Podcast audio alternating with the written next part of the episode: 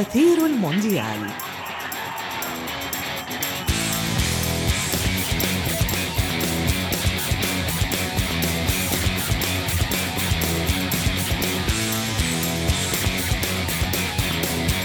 كأس العالم 2022 وصل إلى فصوله الأخيرة ودور الستة عشر أسفر عن مواجهات نارية في ربع النهائي خارج نطاق التوقعات. كل المنتخبات أعينها صوب نصف النهائي ولدى الثمانية في ربع النهائي ذات الفرصة في التأهل. وممثلنا العربي أمام اختبار صعب للعبور وتحقيق الإنجاز. واليوم في أثير المونديال نناقش ونحلل ما تمخض عن دور الستة عشر وحظوظ المنتخبات التي وصلت إلى ربع النهائي.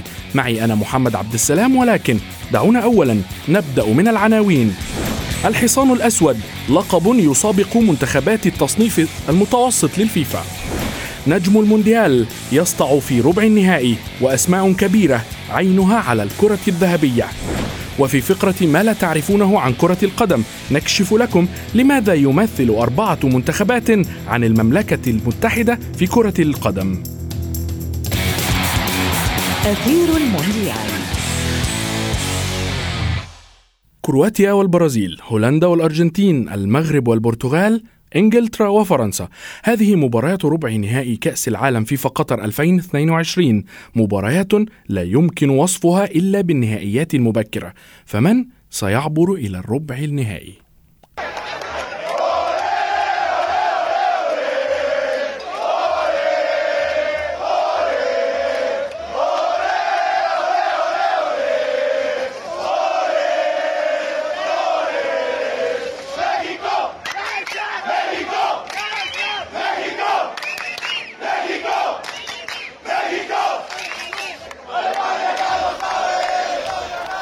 لمزيد من النقاش ينضم إلينا الصحفي الرياضي ضياء الدين محمد. مرحبا ضياء. ضياء دعني اولا أتحدث عن فكرة الحصان الأسود التي شبه اختفت هذا المونديال.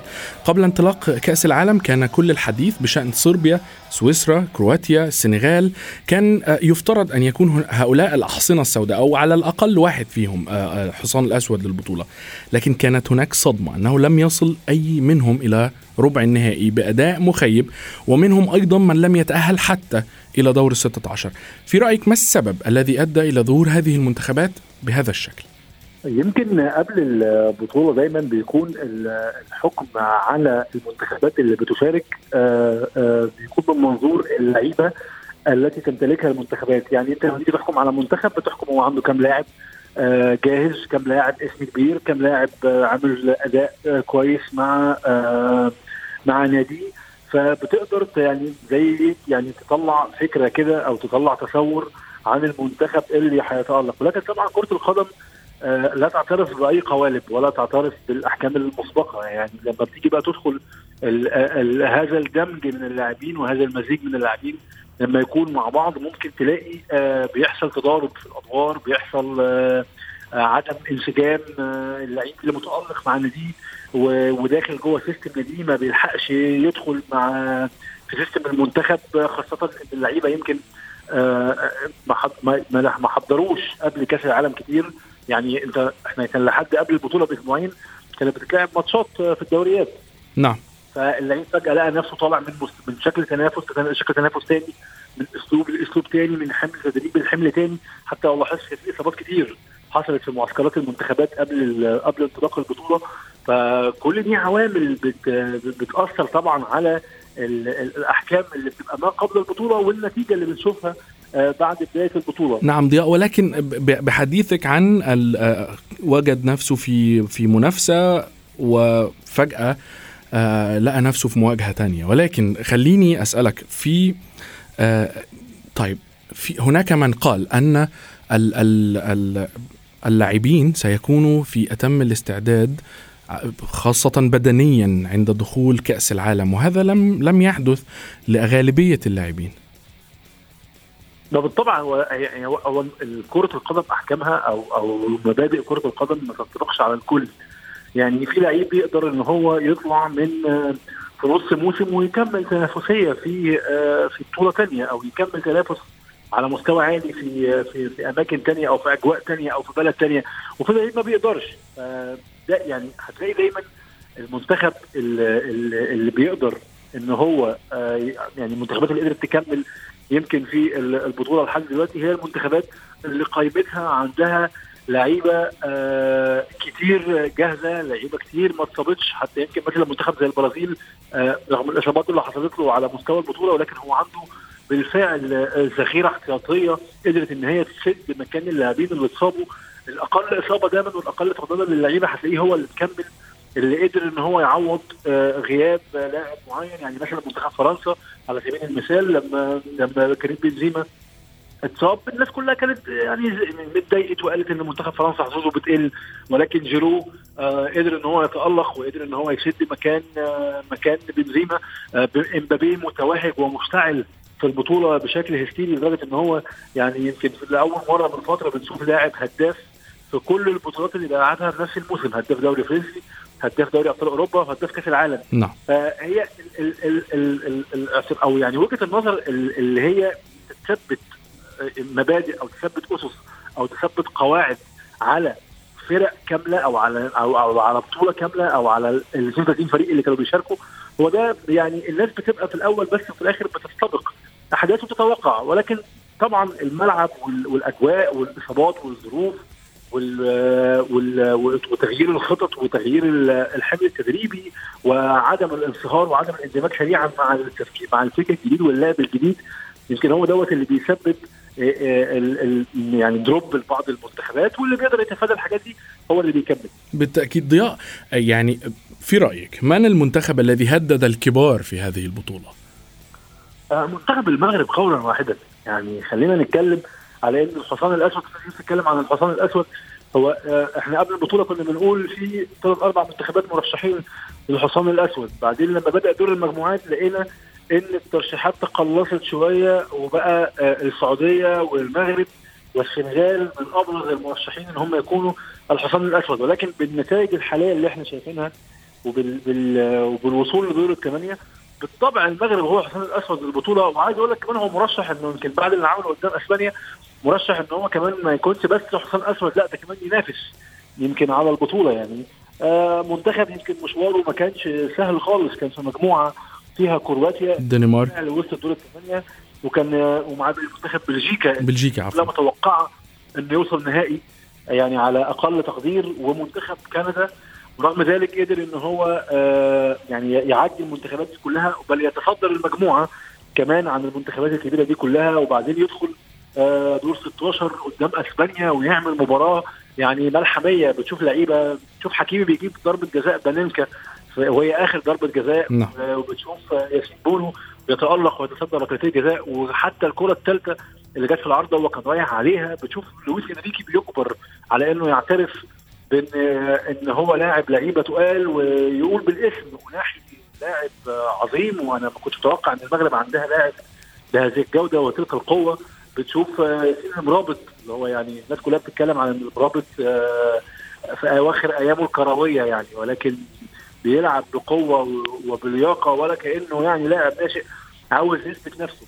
نعم. طبعا آه كراكي عامل برضه بصراحة يعني آه ملحمة كروية فنية عارف كويس جدا يوظف لعيبته عارف يستغل حتى تغييراته. يعني هو بيعرف نعم. يغير اللاعب إمتى وينزل اللعيب ده إمتى المكان ده إمتى هدافع إمتى هتقدم بالكرة إمتى. المغرب المغرب قولا واحدا هي هي الحصان الأسود. ضياء سنتحدث أكثر عن المغرب ولكن بعد هذا الفاصل القصير. ابقى معي. أثير المونديال. Music!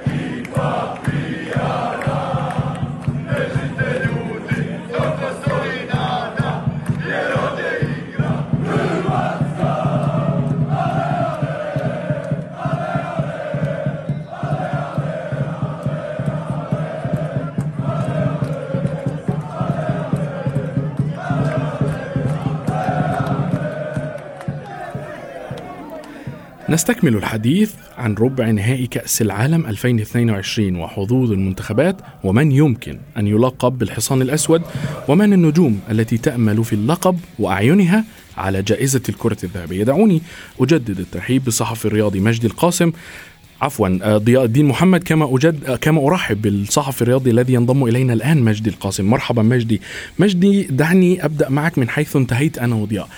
من هو المنتخب أو هل تتفق مع ضياء أن المنتخب المغربي هو الحصان الأسود حتى الآن في البطولة وأنه بالفعل قادر على عبور آه، المنتخب البرتغالي والوصول إلى نصف نهائي آه، كأس العالم الحالي؟ أسعد الله أوقاتك زميلي محمد ولضيفك الكريم ولكل فريق العمل المستمعين جميعا يعني أعتقد بأن الكل يجمع على أن المنتخب المغربي حتى الآن هو الحصان الأسود لهذه البطولة، ليس من قبيل الصدفة أن يحقق المنتخب هنالك عملية بناء على اللاعبين المحترفين وما فعله الركراجي في 96 يوم مع المنتخب. أعتقد أنه عمل عظيم وعظيم جدا. كان المنتخب يعاني مع وحيد حليلوزيتش ووقتها تم استبعاد عدد من اللاعبين. كان من بينهم حكيم زياش والمشاكل الكثيرة لدرجة أنه حكيم زياش وقتها أعلن أنه سيعتزل اللعب الدولي وبالفعل يعني وليد الركراجي لملم كل الصفوف. أعتقد قدم نسخة وأفضل نسخة ربما في تاريخ المغرب تمر على الكرة المغربية. منتخب المغرب منتخب يحافظ على سجله الخالي من الهزائم. احتزت شباكه فقط مرة واحدة زميلي محمد في البطولة في أربع مباريات. إحنا بنتحدث عن حدث حتى جاء حدث عكسي. يعني بمعنى إنه ولا أي منتخب في البطولة سجل هدف في المنتخب المغربي نعم. تمكن من تسجيل هدف ملعوب. بالتالي رقم كبير ومذهل جدا بالنسبة للمنتخب المغربي اللي واجه بلجيكا المصنف الثاني عالميا وثالث العالم في مونديال روسيا كرواتيا وصيف بطل العالم النسخة السابقة في مونديال روسيا. وأيضا حتى في دور 16 اوقعت القرعه مع منتخب كبير بحجم المنتخب الإسباني أحد أبرز المرشحين للقب. لكن المنتخب المغربي تمكن من إطفاء المنتخب الإسباني. بالتالي أعتقد بأنه هو أفضل منتخب حتى الآن في البطولة. وأيضا أعتقد بأن المنتخب الياباني عطفا على ما قدمه في دور المجموعات عندما هزم المانيا اسبانيا وحتى خرج بركلات الترجيح أمام وصيف بطل العالم المنتخب الكرواتي. أعتقد بانه هذين المنتخبين هما الأبرز في هذه البطولة. على صعيد مواجهة المنتخب المغربي أمام المنتخب البرتغالي أعتقد بان المنتخب البرتغالي بدأ يستعيد بريقه شيئا ما بإجلاس رونالدو على دكه الاحتياط. الكل يحب كريستيانو رونالدو لكن أعتقد بعد وصول لسن التاسعه والثلاثين عليه أن يدرك أنه بات الآن لاعب احتياطي. هو مهم وجوده في الفريق كونه لاعب خبرة يفيد اللاعبين الشباب لكن أعتقد بأنه رونالدو عليه أن يدرك الآن أن هنالك جيل ذهبي هنالك أسماء كبيرة في المنتخب البرتغالي. المدرب فرناندو سانتوس كان يعاب عليه بأنه لا يستخرج أفضل ما لدى اللاعبين. الآن واجلس كريستيانو رونالدو يقال بأنه اجلس رونالدو بعد الحادثة الجدل التي أثيرت في في مباراة دور المجموعات عندما قام باستبدال كريستيانو رونالدو في الدقيقة 65 نعم. ورونالدو قال له بالحرف الواحد بأنه ما زال مبكر. استبدالي في هذا الوقت. لكن هنالك الكثير من الجدل وتدخل العائلة. أعتقد بأنه إجلاس رونالدو على دكة البدلاء سيكون أمر صعب بالنسبة للمنتخب البرتغالي الذي بكل تأكيد لا نتمنى له التوفيق أمام المنتخب المغربي. نعم ولكن يبدو أن كريستيانو لن يعني سيكون صعب للغاية إقناعه بمثل هذا ولكن تحدثت عن مباراة البرتغال وسويسرا. سويسرا كانت أحد المرشحين لنيل لقب الحصان الأسود للبطولة ولكن ما شاهدناه أمام البرتغال كان على عكس تماما ما قدمه المنتخب السويسري في آه، دور المجموعات. هل هذا يعد سوء من المنتخب السويسري أم أنه تفوق من المنتخب البرتغالي كما قلت؟ هو في الحالتين يمكن اعتبار انه المنتخب السويسري قدم أسوأ مباراة له في البطولة حتى الآن. وكان هو وكان هذا الغريب بالفعل. بكل تأكيد أمام المنتخب البرتغالي لكن أعتقد بأنه ما أجبر المنتخب السويسري على ذلك هو الأداء الذي قدمه المنتخب البرتغالي وتألق جونزالو راموس اللي, اللي أصبح بعمر ال 21 سنه أصغر لاعب برتغالي يسجل في كأس العالم وبالمناسبة محمد يسجل هذا الرقم هو ثاني أصغر لاعب بعد كريستيانو رونالدو. نعم. بالتالي إحنا بنتحدث عن لاعب تألق في هذه المباراة سجل هاتريك آه، أول لاعب بهذا العمر يسجل هاتريك في ادوار إقصائية. أيضا علاوة على تألق برونو فرنانديز اللي وفي أول مباراة أساسي له في يعني أول مباراة يشارك فيها كأساسي بكل تأكيد وهو ليس بلاعب الخبرة نتحدث عن 21 سنة نتحدث أيضا عن تألق برونو فرنانديز اللي ساهم في خمسة أهداف سجل هدفين وقدم ثلاث تمريرات حاسمة وهي بالمناسبة أكبر حصيلة للاعب برتغالي في نسخة واحدة منذ أوزيبيو في, في نسخة 66 نعم. لك أن تتخيل إنه هذه الأرقام حتى شاهدنا الارتقاء لبيبي وتسجيله هدف خرافي أيضا بعد هذا الارتقاء بعمر تقريبا يشارف على 40 عام نعم. بالتالي نتحدث عن تألق غير عادي بالنسبة للاعبين البرتغاليين وقابلوا أيضا ربما يعني لا أقول استسهال إنما أقول بأنه أداء هزيل جدا من المنتخب السويسري الذي لم يعرف كيف يحجم هذه الأسماء ومفاتيح اللعب عند المنتخب البرتغالي. نعم بالفعل كانت المباراة الأسوأ كما قلت المنتخب السويسري. ضياء تحدث مجدي عن النجوم بالحديث عن النجوم في المونديال يبدو أن هذه البطولة ستقدم نجما جديدا. نسمع تقارير تتحدث عن تواصل أندية كبيرة مع نجوم صغار أثبتوا جدارتهم حتى الآن منهم بيلينغهام ومنهم أيضا راموش الذي تحدثنا عنه منذ قليل مرابط حتى بونو إلى أي مدى شكلت هذه النسخة من كأس العالم؟ فرصة إلى هؤلاء اللاعبين. بدون شك طبعا هي كانت هي فرصة آه، من اللاعبين اللي هم كانوا آه، يعني غير متوقع تألقهم في البطولة وتألقوا في لعيبة كمان كبيرة يمكن مساهمتها في البطولة هتخليها آه تكون محط أنظار آه فرق آه أوروبا الكبرى آه أو على الأقل حتى لما يجي يجدد عقده مع ناديه هيكون قادر إن هو يحط شروط مادية آه هو عايزها. عندك مثلا على سبيل المثال جيرو عاوز يجدد عقده مع ميلان ولكنه هيبدأ يتكلم في زياده راتب طبعا ده يمكن بعد اللي حصل في البطولة وبعد التألق اللي هو تألقه. هداف التاريخي لفرنسا الآن. نعم. الهداف التاريخي للمنتخب الفرنسي الآن. بالظبط بالظبط بالظبط وكمان يعني يعني هو هو عامل بطولة ورا اروع يعني. وحتى دلوقتي هيجي يعني حتى هو لاعب غير يعني مش لاعب صغير ومش لاعب ناشئ وقد يكون يعني لا يسعى إلى الانتقال من ميلان ولكن هيجدد عقده مع ميلان فهيتكلم يعني. يمكن التقارير بدأت تتكلم في كده بالفعل إن هو هيطلب زيادة في في الراتب. ده لعيبة المغرب كمان يمكن آه اللعيبة باستثناء حكيمي وباستثناء آه آه ياسين زياش. آه وبون يلعبون في يلعبون في فرق آه يعني مش يعني مش عايز أقول مش صف اول يعني ولكن آه يعني باريس سان جيرمان واشبيليه مش زي انجيل برينزي مش زي الفرق التي يلعب فيها باقي اللاعبين. فطبعا أكيد هتشوف لعيبة كتيرة جدا واحد زي أوناحي واحد زي شريدة واحد زي برابط نفسه هتلاقيهم يعني بقوا كمان دلوقتي على رادار الأندية الأوروبية الكبرى للسعي للتعاقد معاها. لعيب زي اينر فالنسيا اللي هو يمكن مهاجم الإيكوادور رغم خروج منتخب بلاده أصبح برضه محط انظار العديد من أندية أوروبا. لعيب زي جود بيلينجهام في إنجلترا يعني أصلا بيلينجهام قبل كأس العالم كانت في خناقة عليه ما بين كبار أوروبا. تخيل بعد اللي هو عمله في كأس العالم. يعني الخناقة ستتحول إلى معركة ستتحول إلى حرب والربح الأكبر سيكون بروسيا دورتموند. يعني بعد ما كان بيتكلم في في 70 و80 مليون يورو دلوقتي هتلاقيه بيتكلم في 100 و100 في 100 120 يعني. فبدون شك في نجوم كتير جدا. البطولة أسهمت في إن هم يظهروا لعيب زي امبابي خلاص أثبت للجميع أنه في مرحلة وفي عهد ما بعد ميسي ورونالدو امبابي هو الأفضل في العالم. بالتأكيد. مرحلة خلصت بتاعت كريستيانو وبتاعت ميسي. في مرحلة جديدة آه آه الذي يحكمها والذي يسيطر عليها هو كيليان امبابي نعم. يمكن دي من ضمن مكاسب البطولة طبعا ومن ضمن اللعيبة الكثير اللي تألقوا في البطولة وبدأوا ياخذوا وضعهم على صعيد كرة القدم العالمية. نعم تحدثنا كثيرا عن امبابي مجدي امبابي هل تعتقد أنه يلعب هذه كأس العالم هذه وعينه بالفعل على جائزة الكرة الذهبية القادمة خاصة أنه سيكون حقق كأس العالم مرتين متتاليتين وهو لم يكمل عامه الرابع والعشرين بعد. بالتأكيد نتحدث عن هداف كأس العالم حتى الآن حتى وإن لم يتوج باللقب مجرد حصوله على هداف كأس العالم أيضا تألقه في دوري أبطال أوروبا. أعتقد بأنه سيفتح الباب حتى وإن لم يكن هذا العام للكرة الذهبية الخاصة بالفيفا على الأقل في الموسم القادم.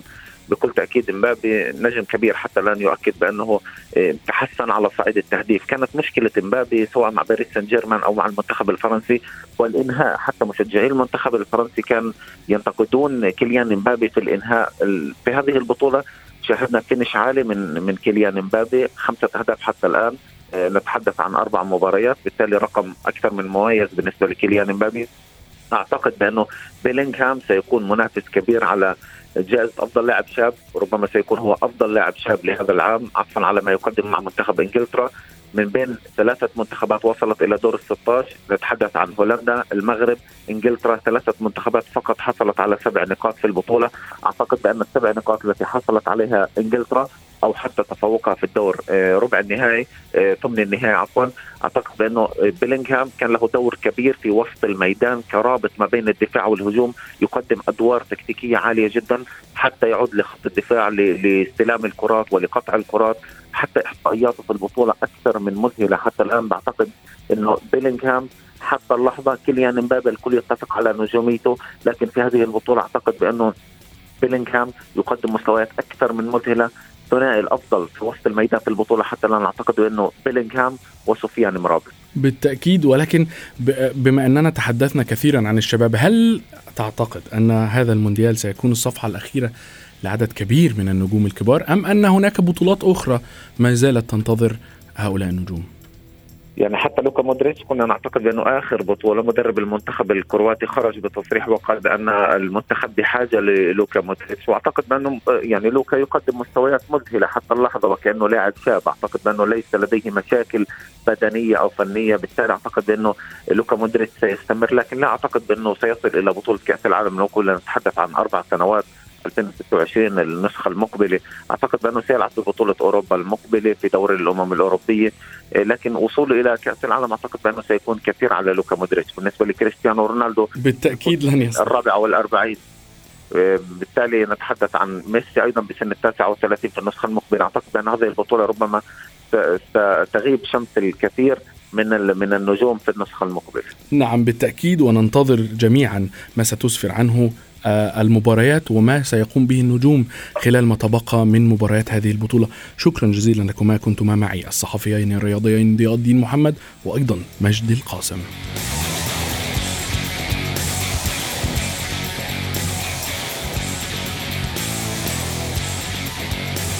بريطانيا أو المملكة المتحدة كيان واحد بحد ذاته. رغم أنه يتكون من أربع دول إنجلترا، ويلز، اسكتلندا وأيرلندا الشمالية إلا أنها تشكل دولة واحدة أمام العالم وتشارك في رياضات الأولمبياد كدولة واحدة باستثناء كرة القدم التي لها حالة خاصة. وفي فقرة ما لا تعرفونه عن المونديال نكشف لكم لماذا يمثل بريطانيا أربعة منتخبات في فيفا والاتحاد الأوروبي. السبب في ذلك يعود إلى الأفضلية التاريخية التي تملكها بريطانيا في كرة القدم. فهم واضعو أساسيات القانون الحديث للعبة كما أنهم مخترعو فكرة كرة القدم الدولية.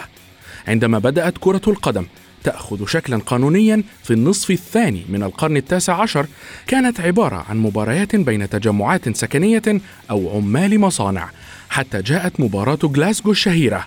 التي جمعت إنجلترا بإسكتلندا عام 1872 لتقام أول مباراة كرة قدم دولية في التاريخ والتي انتهت بالتعادل السلبي أمام أربعة آلاف متفرج.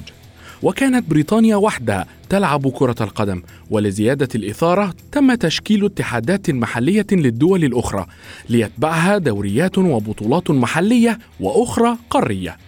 ثم تأسس الفيفا عام 1904 لكن بريطانيا لم تنضم إليه في البداية حيث كان لمؤسسي قوانين اللعبة شروط كانت صعبة للغاية لإعطاء فيفا الشرعية فتم تقديم تنازلات وانضمت هذه الاتحادات التي لها دولة واحدة تباعا. بهذا نكون قد وصلنا وإياكم إلى صافرة النهاية من أثير المونديال. انتظرونا في حلقات جديدة قادمة. كنت معكم أنا محمد عبد السلام. إلى اللقاء. أثير المونديال.